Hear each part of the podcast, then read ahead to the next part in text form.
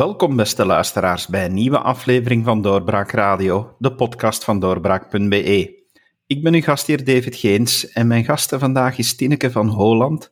Zij is pas verkozen tot voorzitter van de Open VLD Vrouwen. Goeiedag, mevrouw van Holland. Goeiedag, u mag gerust Tineke zeggen hoor. Dan ga ik dat doen, dat klinkt inderdaad heel aangenaam, dankjewel. Ja. Tineke, Open VLD Vrouwen. Laat ik daar eerlijk over zijn dat is niet een organisatie waar je vaak iets van tegenkomt in het nieuws. Waar zijn jullie eigenlijk mee bezig? Ja, dus Open VLD Vrouwen is inderdaad een, eh, een politieke organisatie, uiteraard gelinkt aan, uh, aan Open VLD. Um, ik, ik ben inderdaad pas verkozen als nationaal voorzitter en ik heb eigenlijk uh, drie prioriteiten met, met hen. Ten eerste is PIT, uh, PIT, dat wil zeggen dat we uiteraard uh, zullen kijken of het beleid rond gendergelijkheid voldoende ambitieus is. Twee, professionaliteit, dat heeft te maken met onze identiteit. Ik wil inderdaad dat we wat meer gekend zijn als organisatie. En drie is alles wat te maken heeft met uh, talent management, vrouwen en meisjes sterker maken, uh, meer weerbaar maken. Dus eigenlijk zijn wij een organisatie die inzet op vrouwelijk leiderschap en die dat op alle mogelijke manieren probeert duidelijk te maken.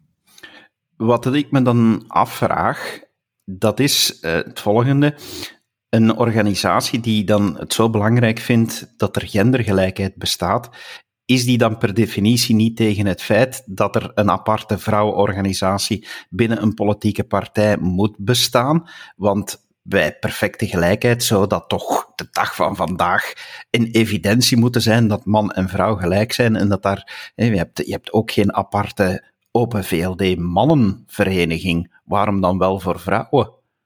Ja, ten eerste is er nog geen gendergelijkheid. En niet in België, ook niet in Europa, ook niet in de rest van de wereld. Ook de Verenigde Naties heeft een specifieke organisatie, UN Women, die zich daar ook mee bezighoudt. Mijn visie is meer de volgende. Uh, ik denk dat vrouwen zich perfect wel kunnen inbeelden uh, waar de moeilijkheden zitten. Um, en daarom is het belangrijk dat we inderdaad een organisatie hebben die die pijnpunten uh, kunnen blootleggen, die ook die pijnpunten kunnen weergeven. Maar onze organisatie is absoluut geen soft vrouwenclubje. Mijn bedoeling is uiteraard ook om, uh, om mannen uit te nodigen bij de activiteiten die we zullen voorzien. Want inderdaad, gendergelijkheid is geen zaak en of alleen van vrouwen en of van mannen. Maar onze organisatie is er eigenlijk om vanuit het, perspectief van de vrouw weer te geven van wat dat er nog beter kan. Ik kom straks even terug op de drie thema's die u noemde, maar ik wil eerst even u beter leren kennen, want ja, ik moet ook daar eerlijk in zijn. Tot ik las dat u verkozen was als nationaal voorzitter van de Open VLD Vrouwen, deed de naam Tineke van Holland bij mij geen belletje rinkelen. Dus ja, wie bent u? Waar, waar was u tot op heden mee bezig? Ja, uh, dus ja, ik ben dus Tineke van Holland. Ik, uh, ik kom uit Oudenaarde, dat is uh, de Vlaamse Ardennen. Ik ben er ook opgegroeid in de streek, hè, in, in Markendal. Ik ben 41 jaar. tot nu toe heb ik eigenlijk altijd in de, in de wereld van de biotech en de life sciences gewerkt. En trouwens nu nog, nu nog altijd. Ik ben industrieapothekeres van opleiding. En de laatste jaren bekleden ik daar eigenlijk een direct directeursfunctie uh, in het bedrijfsleven. Sinds vorig jaar ben ik dan mijn eigen uh, zaak gestart, Epic Ten, waar ik advies geef op vlak van uh, communicatie en beleid voor die bedrijven in de, in de life sciences sector. Sinds januari 2019 ben ik ook gemeenteraadslid in Oudenaarde voor Open VLD. dat waren mijn eerste stappen in de politiek en vorig jaar heb ik ook meegedaan aan de federale verkiezingen op plaats 6 en ik ben ook als zesde geëindigd. Dus ik was heel blij met, mijn, met mijn resultaat. Um, ja, het is niet zo evident hè, als u als onbekende in de politiek stapt om wat naambekendheid uh, te krijgen op, uh, op nationaal vlak. Hè. Dus vandaar dat mijn naam niet zo gekend is bij een aantal mensen. Waarom dan die keuze voor politiek? Want uiteindelijk, ja, ik heb onlangs het genoegen gehad om een, een reeks te kunnen maken met jongere voorzitters en dus aan jongeren hebben kunnen vragen om in de politiek te gaan. Ik ben dus ook heel benieuwd waarom dat een, een jonge vrouw zoals u kiest om in, in de politiek te gaan. Ja, en wel, uh, door mijn beroepsomstandigheden ben ik de laatste jaren toch bezig met beleid rond uh, gezondheidszorg. Dus dat is voornamelijk op, uh, op nationaal vlak. En tijdens mijn laatste jobs moesten wij daar eigenlijk uh, ja, lijstjes uh, uh, maken met onze wensen, als je het zo kan noemen, hè, verbeteringen voorstellen met betrekking tot het beleid. En op een gegeven ogenblik dacht ik van, ja, in plaats van die voorstellen te doen, wil ik ook wel zelf dingen kunnen realiseren. En dan ben ik in 2017 ja, naar de burgemeester gestapt hier in Oudenaarde en aangegeven dat ik interesse had in de politiek en en op die manier uh, ben ik dan in het bestuur terechtgekomen van Open VLD Oudenaarde en dan ook meegedaan met, uh, met de verkiezingen hier. Had u trouwens uh, tegenstanders bij, de, bij deze verkiezingen? Bij de gemeenteraadsverkiezingen? Nee, bij de, bij de verkiezingen als uh, voorzitter van Open VLD-vrouwen. Wel, ik heb mijn kandidatuur uh, gesteld en uh, ja, bleek dat er maar één kandidaat was. Dus ik was uiteraard ja, aangenaam verrast. ik had inderdaad ook liever gehad dat er, dat er nog bijkomende kandidaten zouden geweest zijn. Ik heb geen schrik van, van verkiezingen. Ik relativeer dat ook wel allemaal. Hè. dus, maar op die manier ja, ben, ik, ben ik verkozen tot nationaal voorzitter. U noemde daar straks al drie kernwoorden die u wil gebruiken als voorzitter. Het eerste is PIT. Ja. Ja, PIT, uh, dat kan heel breed gaan. Ik, ik denk dan, dan zeker ook aan woman empowerment, hè, vrouwen die, die PIT willen tonen in, in, al wat zij kunnen en waar zij voor staan. Of staat, u daar, staat er bij u daar nog andere dingen bij, bij, bij die PIT? Ja, PIT heeft zeker te maken met, met vrouwelijk leiderschap, uh, maar heeft ook te maken met uh, te kijken of het beleid rond gendergelijkheid voldoende ambitieus is en daarvoor dan eigenlijk constructieve voorstellen doen. Hè. Ik heb al eens het, uh, het beleidsplan van de staatssecretaris voor gelijke kansen gelezen en bijvoorbeeld op vlak van gelijk loon staat daar dan in, hè, wij zullen aanvullende maatregelen nemen om de wet rond de loonkloof werkzamer te maken. Ik vind dat nogal voorzichtig gezegd. Ik had liever gezien van uh, de genderkloof, uh, wij zorgen dat die stopt. Dus op die manier denk ik dat het belangrijk is als, als organisatie om heel duidelijk boodschappen te brengen en die te blijven herhalen totdat er verandering is. Wel, u hebt nu de kans. Stel, u bent de staatssecretaris voor gelijke kansen en u, zegt van, ik vind dit te voorzichtig. Hoe zou u het dan aanpakken? Ja, ik zou eigenlijk um, ook rond ja, drie thema's uh, werken, uh, heel specifiek. Hè. Dus dan trek ik de gendergelijkheid natuurlijk breder dan bijvoorbeeld uh, de loonkloof. Maar het eerste punt zou zijn voorkomen. En voorkomen, dat wil zeggen het uh, meer weerbaar maken van meisjes en vrouwen. Hè. Als je bijvoorbeeld kijkt naar, naar partnergeweld, uh, zie je heel vaak dat meisjes en vrouwen, als hen iets overkomt, dat zij daarvoor niet naar de politie bijvoorbeeld uh, durven, durven stappen. Hè. Omdat zij bang zijn, omdat zij inderdaad die drempel niet durven te zetten. Dus vrouwelijk leiderschap heeft inderdaad ook te maken met het sterker maken van die vrouwen. Hoe, zou je dat, hoe kan je dat doen? Dat is bijvoorbeeld door in te zetten op onderwijs. En van kleins af aan eigenlijk uh, ja, bepaalde cursussen of trainingen daar rond te geven. Ik bedoel, we leren allemaal, allemaal turnen. Waarom kan er bijvoorbeeld ook geen cursus zelfverdediging zijn? Hè? Uh, waarom kan er geen cursus zijn om meisjes mondiger te maken, bijvoorbeeld? Dus ik denk dat wel heel uh, vroeg in dat uh, educatieproces, in dat onderwijsproces uh, moeten inzetten. Twee, zou ik dan inderdaad inzetten op het makkelijker melden, hè, dus ook die drempel verkleinen. dus nu, heel recent, heeft de staatssecretaris aangekondigd dat er drie nieuwe zorgcentra komen na seksueel geweld. Hè. Dat is zeker een goede zaak, omdat dat de, de, de drempel met bijvoorbeeld de politie gaat, gaat verkleinen. En het derde stuk is ook alles wat te maken heeft met ja, een stukje promotie en, en, en awareness. Vandaag de dag zijn er heel weinig meisjes die kiezen voor een studierichting in uh, IT of een, een, een studierichting in de wetenschap. Dus ook daar zie ik een rol van de overheid om daar meer promotie rond te maken. Hè. Vandaag de dag zijn er heel wat filmpjes beschikbaar om te zeggen hoe we ons mondmasker moeten dragen, hoe we allemaal samen aan hetzelfde zeel moeten trekken uh, voor de coronacrisis. Wel, waarom uh, kunnen we geen promofilmpjes maken vanuit de overheid om, uh, om meisjes ook aan te trekken in die sectoren waar er vandaag de dag te weinig voor gekozen wordt, dus in de IT-sector en in de wetenschapssector. U had het daarnet ook over vrouwelijk leiderschap. Vindt u dat er te weinig plaats is voor vrouwelijk leiderschap, zowel in de politiek als in het bedrijfsleven? Um, inderdaad, als we kijken naar echt de, de topfuncties in het bedrijfsleven en ook in de topfuncties van de politiek, dan zien we daar inderdaad nog altijd minder vrouwen uh, dan, uh, dan mannen. Hè. Uh, dat heeft met verschillende factoren te maken. Um, een van de factoren, naar mijn mening, of één iets waar we ook meer zouden moeten op inzetten, is om ervoor te zorgen dat de structuur rond de vrouw hè, nog beter kan aangepast worden, zodanig dat zij ook die kansen gaat grijpen. Hè.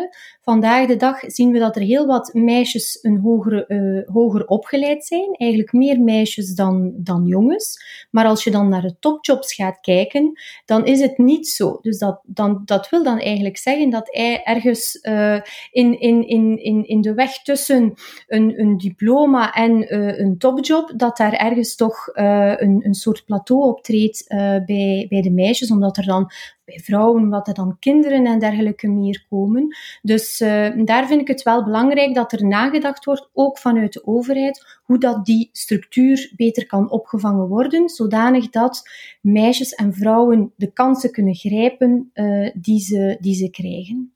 Moet de overheid dan in quota voorzien? Wel, persoonlijk ben ik geen voorstander van quota. Uh, ik ben meer voor, voor vrije keuze, maar langs de andere kant kan je ook niet ontkennen dat quota dat die ook wel zorgen voor een verandering. En dat die inderdaad in die richting gaan en zeggen van je moet ook meisjes en vrouwen de kansen kunnen geven dat zij inderdaad die, die topjob uh, kunnen nemen. Hè. Wat voor mij dan uiteindelijk ook wel belangrijk is, is dat er ook wel de juiste persoon op de juiste plaats komt. Hè. Dus dan dat kunnen zowel dan vrouwen zijn als, als mannen zijn. Wat is nu net volgens u zo specifiek liberaal aan het feit dat u op uw manier, met, met die pit die u uitstraalt, wil opkomen voor die gendergelijkheid? Liberaal is, is dat door meisjes sterker en weerbaar te maken, zullen zij ook meer kans hebben om hun eigen keuze te maken in het leven. En dat is voor mij een heel uh, liberale gedachte. Hè? Als je vrij bent om een keuze te maken uh, om een, bijvoorbeeld een eigen zaak te starten of een sociaal project te starten, om te kunnen doen waarin dat je gelooft, uh, dan, dan zal dat heel wat, heel wat voldoening geven. Dus ook daar komen we weer terug op het sterker maken en, en weer meer, weer, uh, meer weerbaar maken excuseer, van, uh, van de meisjes en de vrouwen. Een van de drie thema's die u noemde was ook dat talentmanagement. Ik heb de indruk dat dat helemaal doorweven zit in uw plannen, omdat u vaak zegt, ja, kansen geven, zorgen dat het mogelijk is, de juiste omkadering, ja, het echt stimuleren ervan, maar u zegt tegelijk ook de juiste persoon op de juiste plaats. En ik let nu heel erg op dat ik niet het spreekwoord gebruik de juiste man op de juiste plaats, maar dus wel degelijk de juiste persoon op de juiste plaats. Is, is dat wat nog zoveel sterker moet, dat dat eigenlijk een evidentie is dat we gewoonweg zeggen van dat talentmanagement moet ook bij vrouwen nog veel beter gebeuren? Ja, absoluut. Uh, de voorbije jaren, hè, toen ik een directeursfunctie had in, in, in, in de bedrijfswereld, uh, ja, dan, dan zat ik heel vaak uh, tussen, tussen mannen. Hè. En um, wat ik daar toch ook voor een stuk geleerd heb, is dat het als vrouw ook belangrijk is om bijvoorbeeld te werken aan uw networking. Dat, dat is al dat is dat je als vrouw ook de kansen gaat nemen die je krijgt. Hè. Als vrouw ga je vaak denken, als je een job bijvoorbeeld aangeboden wordt op basis van je skills, van, kan ik dat wel? Moet ik niet eerst wat bijkomende training daarvoor doen? Terwijl een man al vaker uh, ja zal zeggen. Dus die kleinere zaken uh, bijbrengen aan de vrouwen van hoe doe je een goede networking, hoe grijp ik die kans, hoe zeg ik gewoon ja op een job. Het feit dat men een job voorstelt aan een vrouw, degene die dat doet, dat wil eigenlijk zeggen dat die persoon vindt dat die vrouw die job zeker zal, zal kunnen doen. Hè? Dus ook daar terug dat sterker maken in dat talentmanagement. Rolmodellen vind ik heel belangrijk als vrouw, maar ook als man. Vrouwen die kunnen aan andere vrouwen aangeven, ja, van doe het maar, hè, geloof in jezelf, dat is heel belangrijk, geloof in jezelf, want dan kom je er zeker. En dan ook verhalen van mannen die zeggen van kijk, op die of die of die manier heb ik vrouwen ondersteund in hun job of in hun politieke carrière of in een ander project. Hoe kijkt u dan nu naar de premier die uit, uh, uit uw partij komt en die een boek heeft geschreven, De Eeuw van de Vrouw. Hebt u dan echt hoop dat met hem aan het roer van ons land, dat er op dat punt ook wel een en ander gaat veranderen? Ja, absoluut. Hè. Als we als e- één uh, kijken naar, uh, naar zijn regering, hè, is het toch wel historisch. Hè. Het is een gendergelijke uh, regering die we hebben. Twee, inderdaad, hè, eh, premier De Croo uh, had al een boek geschreven uh, omtrent de eeuw van de vrouw, waarbij hij ook al een, idee, een aantal ideeën aangeeft, maar waarbij hij zelf ook aangeeft dat ook mannen een zeer belangrijke rol te spelen hebben in die gendergelijkheid. En dat is toch ook wel belangrijk dat we mannen hebben die als rolmodel optreden om te zeggen van wij gaan of ik ga zorgen voor die verandering. Dus ik eh, ben er gerust in dat we in goede handen zijn. Wie zijn voor u goede rolmodellen? Man of vrouw? Of, uh, nee, voor mij speelt het eigenlijk geen rol, dus de vraag is gewoonweg, wie zijn voor u goede rolmodellen? Wel, eerst uh, was dat uh, mijn, mijn twee oma's, die jammer genoeg uh, overleden zijn. Mijn moeder ook, hè, die mij toch altijd voldoende bagage hebben meegegeven en, en gezegd van zorg dat je op je eigen benen kan staan. Dat zijn ook vrouwen die altijd hard gewerkt hebben in, in hun leven. en die mij ook de juiste opvoeding hebben gegeven van kijk, als je kansen krijgt, grijp die kansen en, en ga ervoor. Um, ten tweede, als ik dan kijk naar de politiek, uh, de uh, Nieuw-Zeelandse premier, Jacinda Ardern, vind ik wel een heel goed rolmodel, omdat zij op een zeer menselijke manier aan politiek doet en ook het beeld, niet alleen het beeld, maar ook de realiteit weergeeft dat ook vrouwen aan toppolitiek kunnen doen. Uh, Kamala Harris, uiteraard ook, uh, eerste vicepresident van, van de States. Maar daarnaast um, denk ik dat het ook belangrijk is, en dat heb ik ook altijd in mijn, mijn carrièrepad tot nu toe ervaren, is dat je iemand bij jou staan hebt, dicht bij jou staan hebt. Dat hoeven niet altijd de grote rolmodellen te zijn, maar iemand die in jou gelooft, een soort spiegel uh, waarmee je kan praten en die je stimuleert om bepaalde dingen te doen. U staat ook in het bedrijfsleven.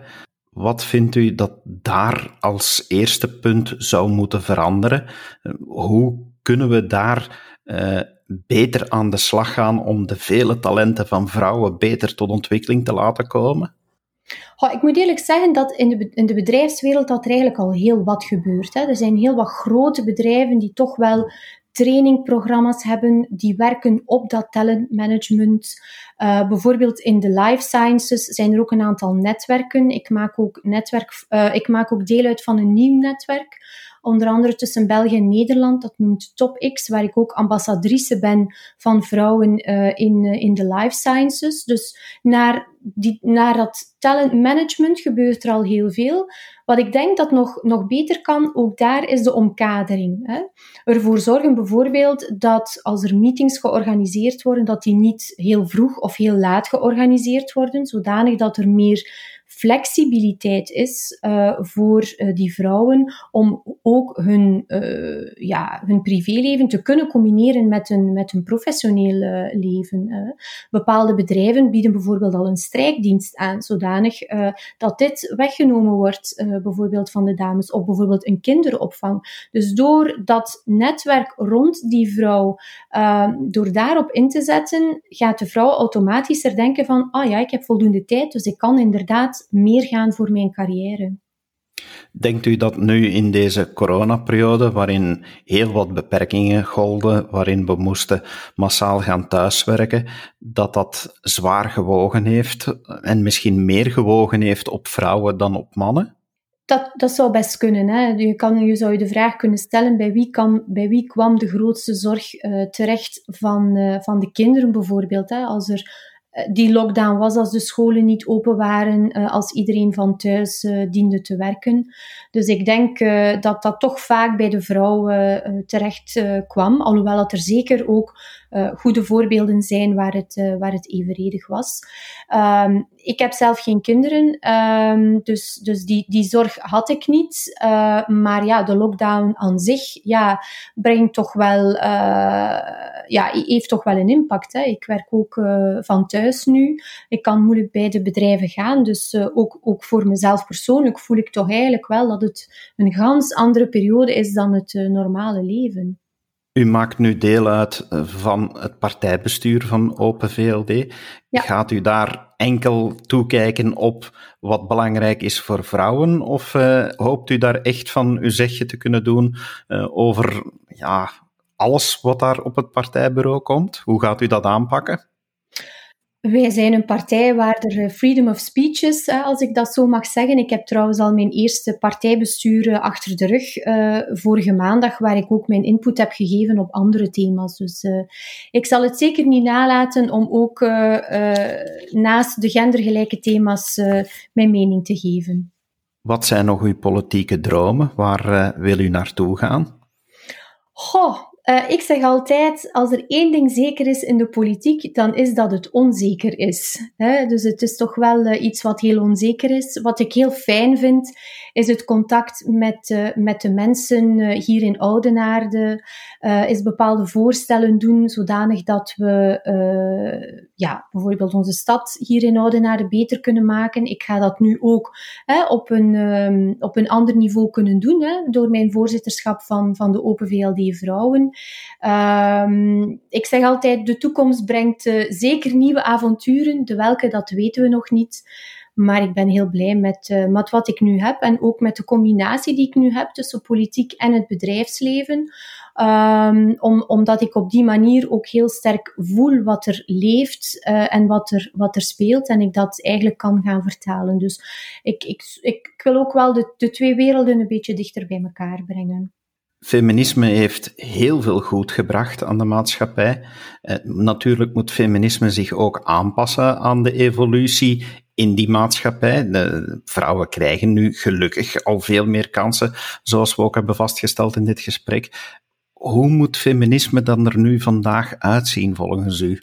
Wel, ik denk dat het belangrijk is dat uh, iedereen in onze maatschappij erkent dat die gendergelijkheid er nog niet is. Hè? Um, en, en, en dat het ieders verantwoordelijkheid is om met constructieve ideeën te komen of om, om dingen te veranderen, zijn of haar stem te laten horen. En ik denk dat het een, een een gemeenschappelijke verantwoordelijkheid is. Ik denk dat niet, ik ben er zeker van, uh, om, uh, om ervoor te zorgen dat we dat glazen plafond kunnen doorbreken. Dus dat is voor mij het feminisme, is zeker al erkennen dat er nog een probleem is en dan dat iedereen samen een stukje kan bijdragen. Hoopt u dat u uh, ja, daar op zeer korte termijn bepaalde doelstellingen kan gaan bereiken? Van, wat, wat zijn zo de, korte termijn successen die u probeert te bereiken? Wel, in eerste instantie ga ik samen zitten met mijn raad van bestuur, hè, want er is ook een nieuwe raad van bestuur verkozen. En met, met die dames zien van, kijk, welke zijn nu de, de punten waar, uh, waar we gaan op inzetten. Um, wat voor mij belangrijk zal zijn, is dat wij vanuit de Open VLD Vrouwen ook een aantal uh, voorstellen zullen doen richting het beleid op nationaal vlak. Bijvoorbeeld uh, die, die, die gender, uh, de kloof op, op vlak van loon, de loonkloof laten we zeggen, ja, dat moet weg. Hè. Van, volgens Europese cijfers is het percentage uh, dat, dat vrouwen nog altijd gemiddeld 6% minder verdienen per uur dan mannen. Het zou mooi zijn op het einde van de politieke legislatuur, binnen dit en vier jaar, dat dat 0% is.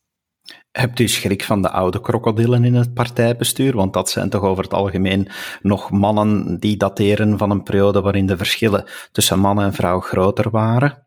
Nee, absoluut niet. Eh, ik denk dat het partijbestuur vandaag de dag dat dat een mix is tussen eh, mensen die ervaring hebben uh, in de politiek. Er zijn ook een aantal nieuwe, jongere mensen bijgekomen die, die op die manier hun inzichten kunnen geven. ik denk dat dat een sterkte is als je zowel er, ervaren ideeën als nieuwe ideeën aan elkaar kan aftoetsen. Dat is mooi gezegd, mevrouw Van Holland. Dank u wel dat u tijd hebt vrijgemaakt voor doorbraak om dat allemaal toe te lichten en uw strijd voor gendergelijkheid met zoveel pit te, toe te lichten. Dank u wel, dat is heel graag gedaan en uh, dank u wel voor de uitnodiging. En u, beste luisteraar, dank u wel dat u hebt geluisterd naar onze podcast. Blijf zeker ook afstemmen op de andere afleveringen of ga eens grasduinen in ons archief, dat inmiddels meer dan 200 episoden stelt. Daar zitten heel wat interessante stukken tussen. Graag tot een volgende keer. Dag. Dit was een episode van Doorbraak Radio, de podcast van doorbraak.be. Volg onze podcast op doorbraak.be/slash radio of via Apple Podcasts, Overcast of Spotify. Bezoek ook onze website op doorbraak.be en steun ons door een vriend te worden van Doorbraak.